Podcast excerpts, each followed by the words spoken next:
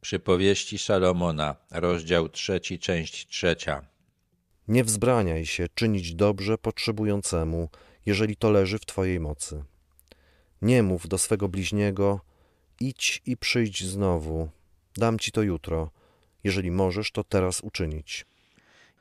Salomon przechodzi do spraw praktycznych, pokazuje do czego mądrość od Boga będzie prowadzić, jakie działania podejmować będzie człowiek, który ją posiada, w czym przejawia się ufność do Boga i co oznacza łaskawe traktowanie człowieka. Człowiek mądry będzie pomagał potrzebującemu, gdy zobaczy, że ktoś potrzebuje pomocy, udzieli jej szybko. Nie będzie zwlekał z tą pomocą, nie będzie temu człowiekowi, któremu należy pomóc, mówił, żeby przyszedł jutro, w nadziei, że pomoże mu ktoś inny. To jest skąpstwo.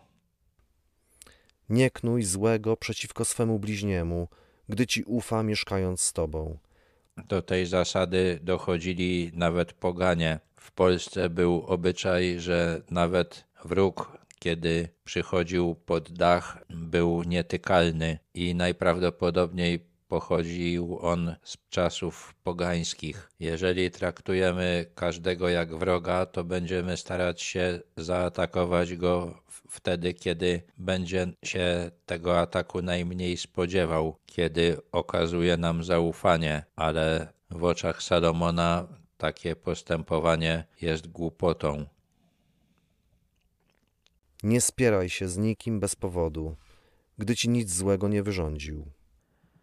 To wyrażenie, które tutaj przetłumaczono jako spieranie się, można przetłumaczyć uważać za przeciwnika i myślę, że lepiej oddaje istotę rzeczy. To, że ktoś ma odmienne poglądy od nas albo wygląda czy zachowuje się w sposób, który nam nie odpowiada, nie jest jeszcze powodem, żeby uważać go za przeciwnika. Przeciwnik to ktoś, komu ze założenia chce się zrobić krzywdę. Dopóki ktoś nam krzywdy nie zrobił, nie powinniśmy o tym nawet myśleć.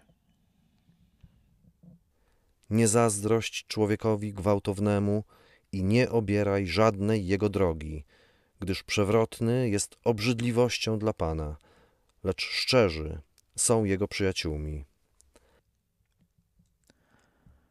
Na krótki dystans gwałtownymi lub niegodziwymi sposobami można osiągnąć wiele. Możemy mieć pokusę, żeby uciekać się do takich środków, a zazdroszczenie takim ludziom ich osiągnięć jest sygnałem, że właśnie takiej pokusy doświadczamy. Świadomość, że taki człowiek jest wrogiem Boga, a Bóg jest jego wrogiem, powinna nas przed tą zazdrością uchronić. Postępując szczerze wobec ludzi, robimy coś, co podoba się Bogu, i ta świadomość, że nasz związek z Nim jest harmonijny, powinna być dla nas ważniejsza niż żal, że nie mamy czegoś, co ktoś osiągnął stosując podstępne, przewrotne metody. Klątwa Pana spoczywa na domu bezbożnego, lecz błogosławi on mieszkaniu sprawiedliwych. Z szyderców szydzi, lecz pokornym okazuje łaskę.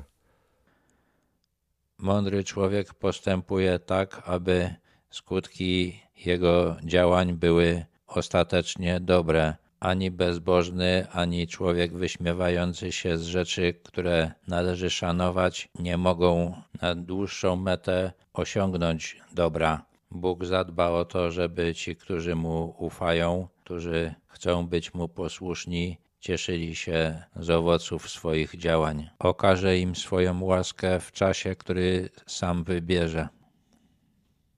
Mądrzy dziedziczą chwałę, lecz głupcy są okryci hańbą. Na dziedzictwo trzeba czekać, ale w końcu się je otrzyma. Człowiek mądry w końcu zostanie pochwalony i wywyższony. Głupiec już jest okryty hańbą, choć na razie tego nie zauważa.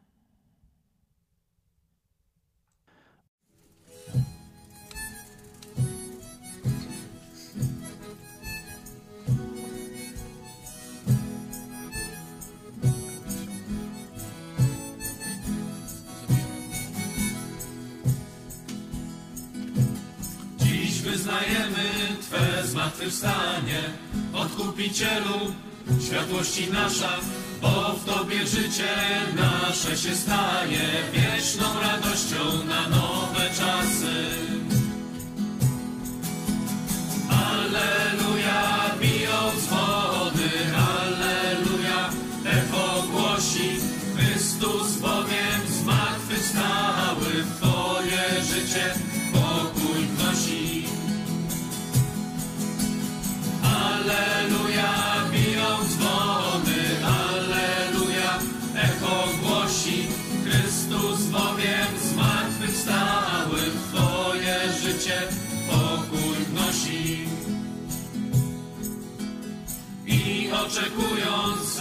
Przyjdziesz chwale, z wiarą, miłością, mocnik nadziei, chcemy być, Panie,